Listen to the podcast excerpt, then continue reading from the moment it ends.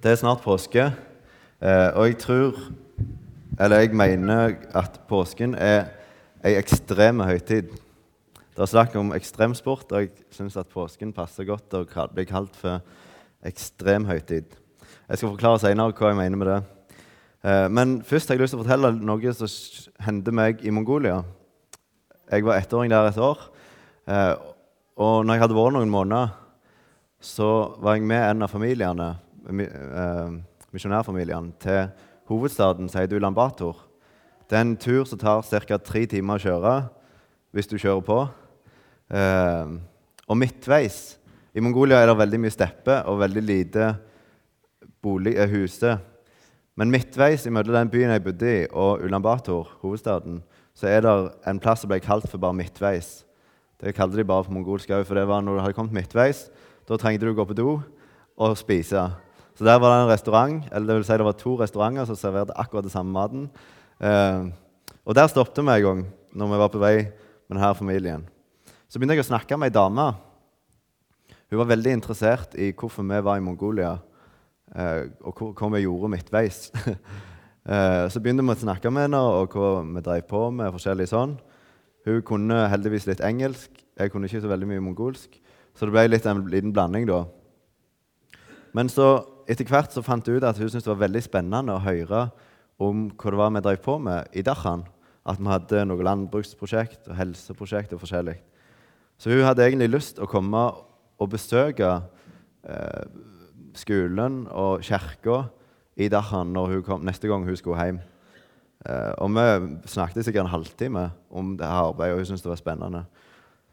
Så gikk det et halvt år, og eh, jeg glemte vekk denne episoden. Så var det en dag jeg gikk til skolen, der jeg jobbet som lærer litt og assistent og litt alt mulig mann. Eh, så plutselig var det ei dame som begynte å rope til meg. Og jeg, følte jeg, aldri, trodde aldri jeg hadde sett denne dama før, så jeg forsto ikke helt hva det var for noe.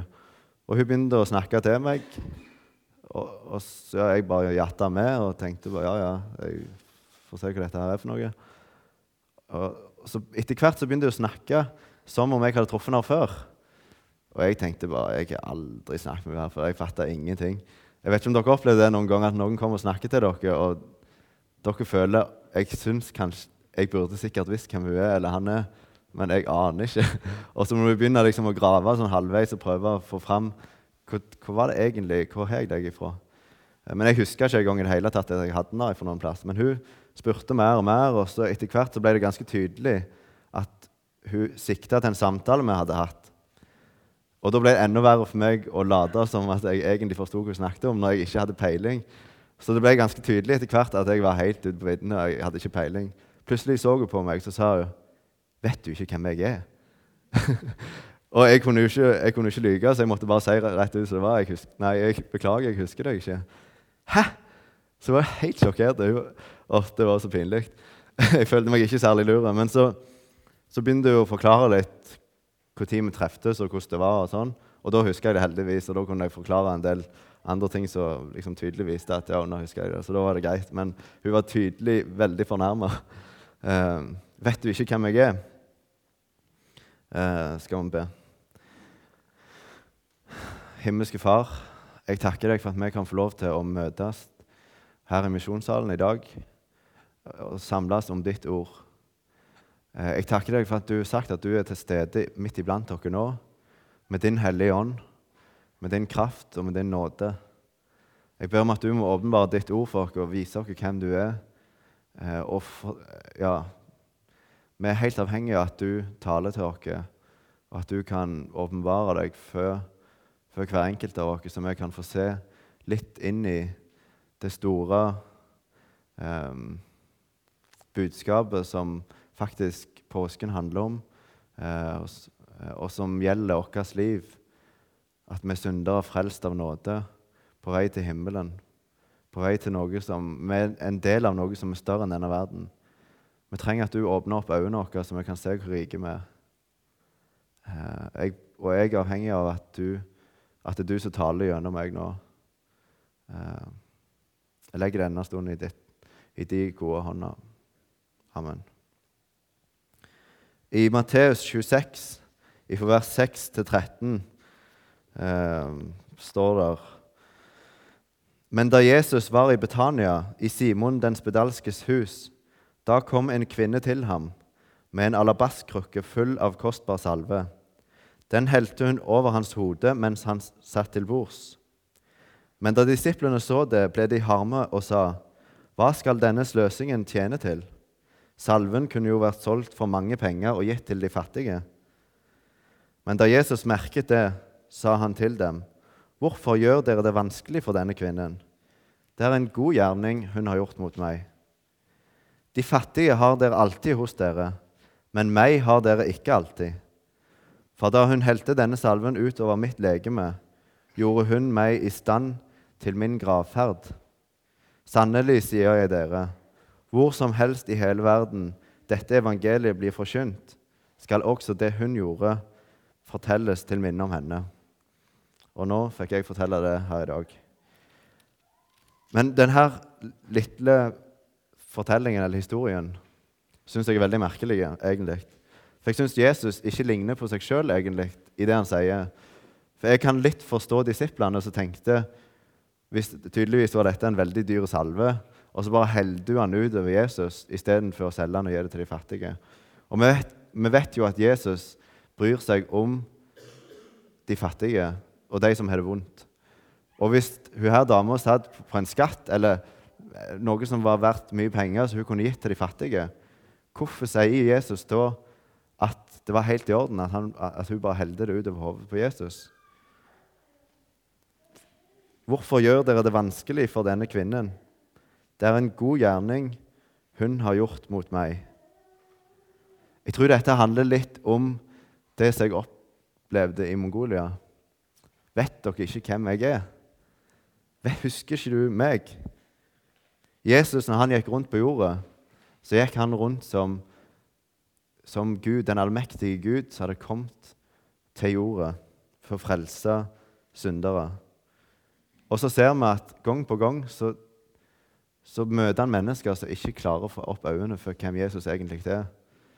Han, blant annet så, så Fariseerne, etter Jesus har gjort et under, så spør de Jesus med hvilken myndighet er det du gjør dette her. Og så har jeg bare sett for meg Jesus som står der som den høyeste Gud med all makt. Og så spør et menneske skapt av Gud, så spør han, spør han Gud hvilken makt er det du kommer med å gjøre dette her. Og så sitter Jesus og vet at grunnen til at du fins, du som nå spør meg med hvilken makt er det du gjør dette her, du er til på grunn av at jeg ville det. Og så spør Jesus disiplene òg av og til hvem sier dere at jeg er? Hvem sier folk at jeg er? Denne dama hun hadde sett at Jesus var noe større enn de fattige. Noe som var så mye verdt at hun helte ut den kostbare salven over Jesus istedenfor å selge det og gi det til de fattige. Jesus sa, 'De fattige har dere alltid hos meg, men meg har dere ikke alltid.' Denne dama hadde kanskje fått litt øye på hvem det var hun fikk være i nærheten av. Hun hadde sett at han som hun hadde med å gjøre, var han som forlater all din misgjerning, som leger alle dine sykdommer. Han som forløser ditt liv fra graven, som kroner deg med miskunnhet og barmhjertighet. Han som metter din sjel med det som godt er, så du blir ung igjen like som ørnen. Herren handler rettferdig, han gir rett til alle undertrykte. Han kunngjorde sine veier for Moses, sine gjerninger for Israels barn. Herren er barmhjertig og nådig, langmodig og rik på miskunnhet. Han går ikke alltid i rette og gjemmer ikke på vrede for evig. Han gjør ikke med oss etter våre synder, og han gjengjelder oss ikke våre misgjerninger. For så høy som himmelen er over jorden, er hans miskunnhet mektig over dem som frykter ham. Så langt som øst er fra vest, lar han våre misgjerninger være langt fra oss. Som en far forbarmer seg over sine barn, forbarmer Herren seg over dem som frykter han. Jeg tror denne dama hadde sett at Jesus var noe stort. Hele livet hennes avhang av, avhang av Jesus. Han hadde forlatt hun all hennes misgjerning. Og Derfor så bare ga hun han det hun hadde, og det var ei krukke med nardosalve som var veldig dyre. Hun så forbi de fattige, alle de fraseerne som satt med bordet med Jesus. Hun så Jesus, frelseren, skaperen, livgiveren, den høyeste Gud. Han som sier at 'i det høye og hellige bor jeg', i det høye og hellige bor jeg, og hos den som er sønderknust og nedbøyd i ånden. Den allmektige Gud. Jeg tror vi kanskje av og til har en tendens til å komme litt i samme, samme situasjon som de som levde på Jesus' i tid, som ikke så Jesus for den han var. Når vi sitter på møte her i dag, eh, så kaller vi det et møte med rette. Vi møter hverandre, men vi møter òg Gud. Og så tror jeg vi trenger av og til å stoppe opp litt for at vi faktisk møter Gud gjennom ordet, gjennom nattverden, sangen, hverandre. Gud er til stede her nå.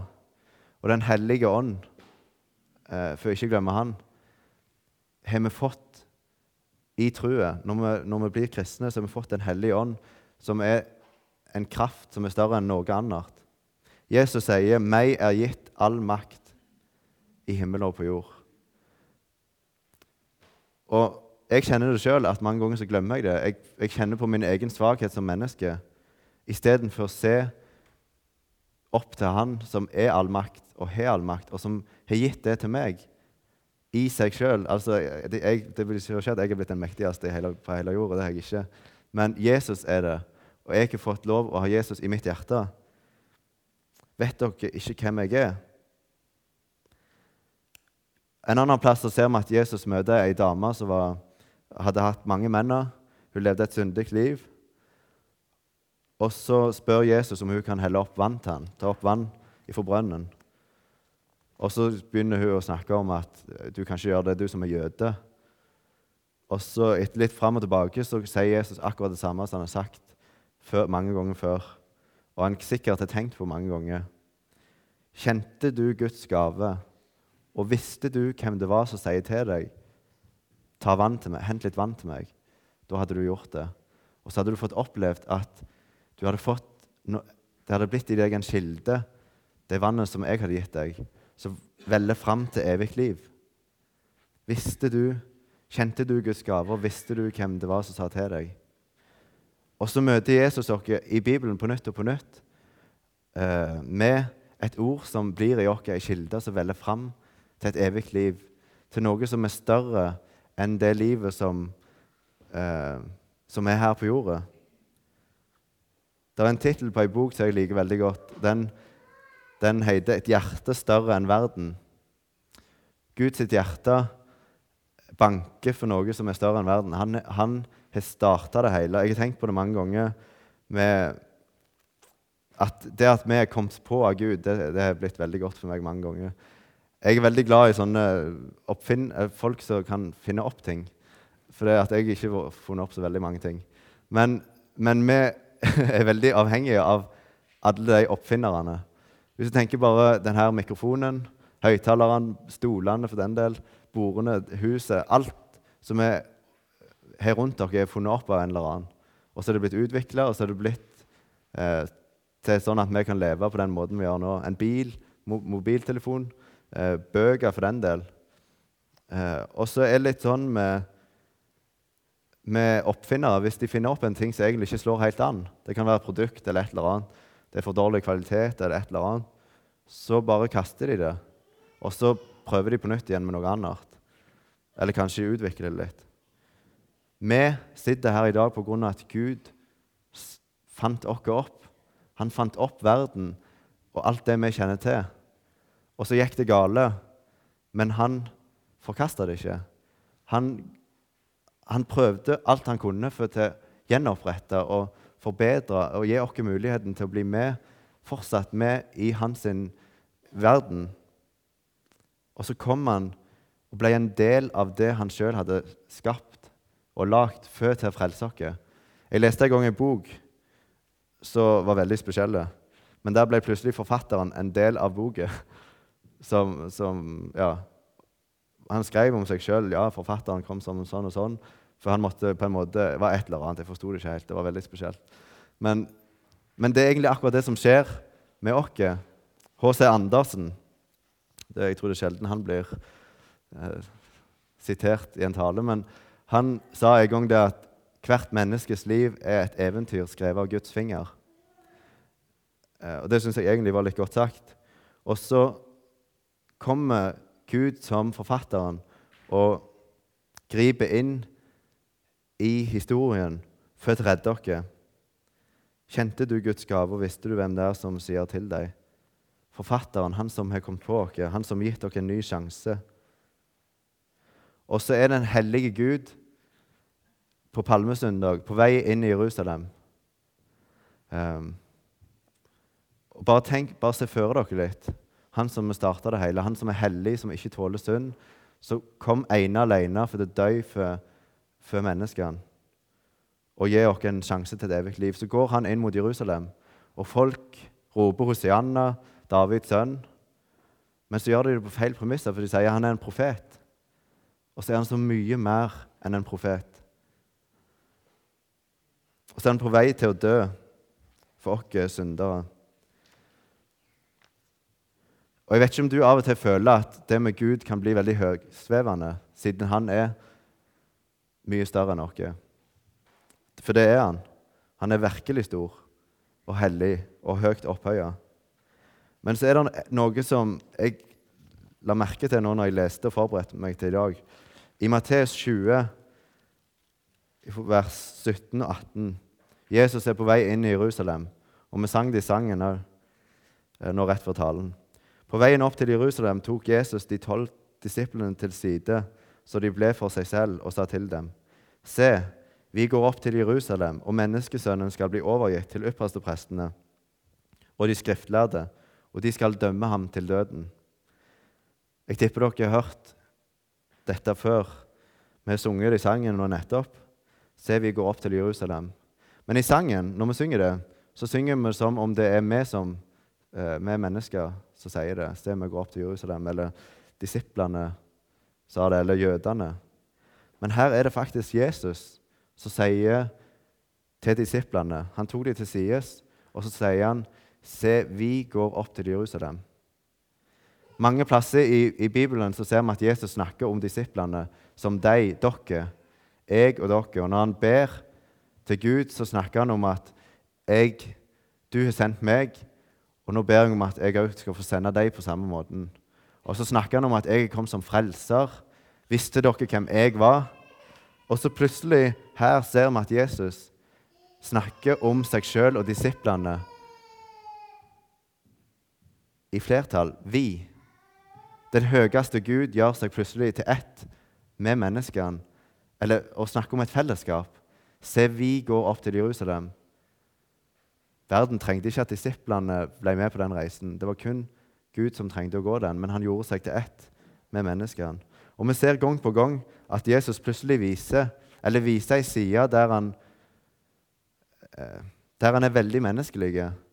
Eh, før han døde, så spiste han påskemåltid sammen med disiplene. Og vi skal få feire nattverden til minne om nettopp det.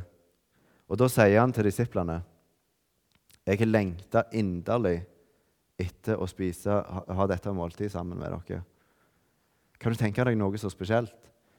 Gud som, som han er den som, eneste som kan si 'jeg er den jeg er'.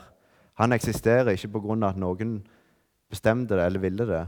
Han er ifra evighet av. Han er egentlig helt nok med seg sjøl.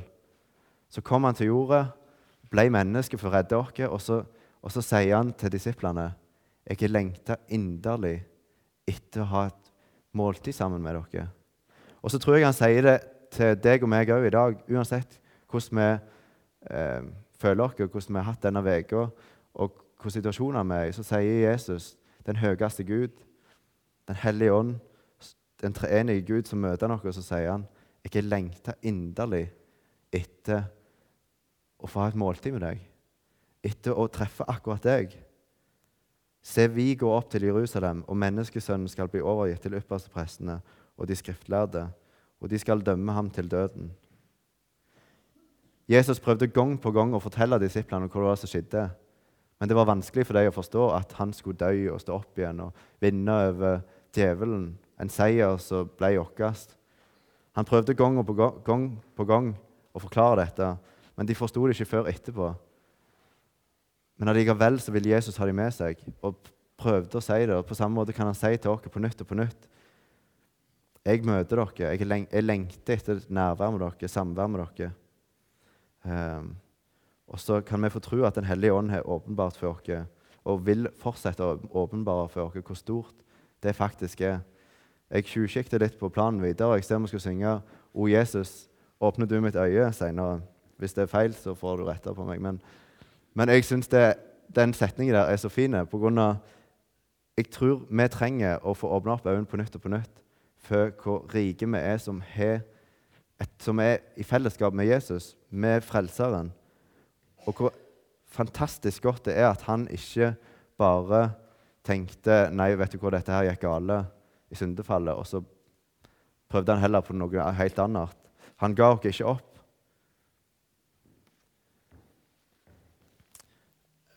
Med dette i bakhodet har jeg lyst til å lese om når Jesus eh, rei inn i Jerusalem, som er palmesøndagsteksten. Og bare se for dere at Jesus som Gud gikk rundt, visste hvor det var som var i ferd med å skje. Han visste jo at det var ingen nesten som forsto hvor, hvor, hvor, vanskelig dette faktisk var for han. De lovsang han, men for at han var en profet. De visste egentlig ikke Ikke disiplene engang forsto det, men han visste at hele verdenshistorien sto og falt på dette øyeblikket. Gud som menneske skulle dø på grunn av mennesker som skulle drepe han, før at han skulle gi oss et evig liv. I Matteus 21, fra vers 1 til 17. Da de nærmet seg Jerusalem og kom til Betfaget ved Oljeberget, sendte Jesus disipler av sted og sa til dem.: Gå inn i landsbyen like foran dere. Der skal dere straks finne en eselhoppe som står bundet, og en fole sammen med den. Løs dem og lei dem hit til meg. Hvis noen sier noe til dere, skal dere svare:" Herren har bruk for dem. Da skal han straks sende dem. Men dette skjedde for at det skulle bli oppfylt, som var sagt ved profeten. Si, si til Sions datter, se din konge kommer til deg, sagt modig ridende på et esel, på trelldyrets fole. Disiplene gikk da av sted og gjorde som Jesus hadde pålagt dem. De hentet eselet og folen og la kappene sine på dem, og han satte seg på dem. Mange i den store folkemengden bredte kappene sine ut på veien. Andre hogg grener av trærne og strødde på veien. Folkemengden som gikk foran, og de som fulgte etter, ropte og sa:" Hosianna, Davids sønn, velsignet være Han som kommer, i Herrens navn. Hosianna i det høyeste. Og da, da han dro inn i Jerusalem, kom hele byen i bevegelse, og de spurte, 'Hvem er dette?' Og folket svarte, 'Dette er profeten Jesus' fra Nasaret i Galilea. Og Jesus gikk inn i Guds tempel og drev ut alle dem som solgte og kjøpte der. Og han veltet pengevekslernes bord og duekremmernes benker. Og han sa til dem, det står skrevet, mitt hus skal kalles et bønnens hus, men dere gjør det til en røverhule. I tempelet kom det blinde og halte til ham, og han helbredet dem. Men da ypperstepresten og de skriftlærde så de undergjerninger han gjorde, og barna som ropte i tempelet hos Janna, Davids sønn, ble de harme. Og de sa til ham, Hører du hva disse sier? Men Jesus sa til dem, Ja, har dere aldri lest, fra umyndig og diebarns munn har du beredt ei lovprisning. Og han forlot dem og dro ut av byen til Betania, og der overnattet ham. Tempelet var plassen der Gud skulle lovsynges, der synd skulle sones, der menneskene skulle komme i rett forhold til Gud igjen. Og så kommer Jesus inn som Gud og ser at det er gått helt det, De har gått helt feil vei. Og så ser du litt av den hellige Gud som ikke tåler synd. Så velter han bordene, og så blir han sint. Og så går han vekk ut av byen og overnatter ute i byen. Så vet han at snart skal han dø og li for hele verdens synd. Jeg har lengta inderlig etter et måltid sammen med dere. Gud har kalt dere til fellesskap med Han. Og det er et fellesskap som virkelig forandrer. Eh, ja, og vi trenger å ta det med oss i påsken, hvor stort det faktisk er at Gud, Gud ble menneske og ga seg sjøl til oss. Og Det er derfor jeg kaller det litt ekstremhøytid. For på samme måte som jeg syns det var spesielt med den boka jeg leste, der plutselig forfatteren ble en del av boka. Eh, på samme måte er det utrolig spesielt at Gud ble en del av det han skapte, eh, og ga seg sjøl i hendene på det, skapningen for å gi oss evig liv. Det var egentlig det jeg hadde lyst til å si eh, i dag om det temaet her. Men jeg har bare lyst til å si ett lite vitnesbyrd eh, som ikke henger helt sammen. Jeg håper ikke jeg på en måte ødelegge det jeg nettopp snakket om. Men jeg opplevde en utrolig kjekk ting her en dag. Um, så jeg, jeg, føler jeg må nesten fortelle videre. Vi som kristne vi er, utrolig, vi, vi er veldig avhengige av hverandre. Gud har kalt dere til fellesskap med seg sjøl først og fremst. Men han har også kalt dere til fellesskap med hverandre. Og Derfor skal vi òg ha medvandring, eh, fokus, fokus på det. Det med til å gå sammen. For vi vet hvor lett det er å komme på avveie i kristenlivet. Og da står vi mye sterkere når vi kan gå sammen. Eh, og så møtes vi her til et møte med Gud. Og så er det veldig lett å tenke at dette er den eneste plassen der vi kan Eller det, nå er vi virkelig på møte. Det er nå Gud kan jobbe med i oss og tale til oss. Men jeg fikk oppleve at en liten gudstjeneste på butikken her en dag. For jeg var, skulle kjøpe noe mat etter, på fredag etter jeg hadde vært på skolen. Jeg hadde hatt mange for, lange forelesninger. Eh, og så skulle jeg skjære opp et brød i sånn brødmaskin. Så sto det ei dame, ei eldre dame som hadde litt problemer med å få denne brødmaskinen til å fungere sånn som den skulle. Og så når hun hadde fått skåret opp brødet, så var det litt vanskelig å vite om hun skulle ha brødposten forbi plastikkposten, eller om hun skulle ha plastikkposten inni og så brødposten ut forbi. For jeg hadde hørt at de hadde snakket noe om det, men det var ikke så lett å få ja, For det første skulle brødet inni, og så skulle på, ja, Det var ikke så veldig lett. Så det tok litt tid, og jeg sto i kø bak. Og så plutselig oppdaget hun at jeg sto bak, men da hadde det gått litt tid. altså. Så da fikk hun litt dårlig samvittighet. Så sa hun å, beklager. Og så sier jeg nei, det går helt fint. Jeg er all verdens tid, jeg. Um, så sier jeg hæ? Så sa jeg ja, jeg har god tid, jeg. Det er sjelden jeg hører. Så sa jeg ja, nå har jeg påskeferie fra skolen, så jeg har god tid, jeg. Ja, det var løye, sa Og så fortsetter vi med, med, brødet. Og så ble jeg ferdig, og så jeg, begynte jeg med mitt. Og så plutselig stakk hun hodet inn sånn og så godt på meg. Så sier hun, 'Du er en kristen, du.' Så ble jeg litt sånn forfjamsa og så sier ja, ja, jeg er det. Jeg så det på deg. jeg hadde ikke tort å spurt hvis ikke. Og så tenkte jeg ja, det var kjekt. da. Eh, jo, jeg er en kristen. Ja, det er jeg òg. Og så, rett før hun gikk, da, så kom hun og så sa hun, du må ha en velsigna dag videre. Og så gikk hun videre og så handla. Så tenkte jeg hvor utrolig stort det ble akkurat da. At jeg fikk bli velsigna av ei som har fått den levende Gud buende i seg, og som visste eh, hvor stort det er at vi er hverandre og kan spre velsignelse. Enten det er på butikken eller det er her. Eh, og Det ble et vitnesbyrd for meg, og det håper jeg kan bli et vitnesbyrd for andre. Um, så vil jeg bare ønske dere en velsigna påske.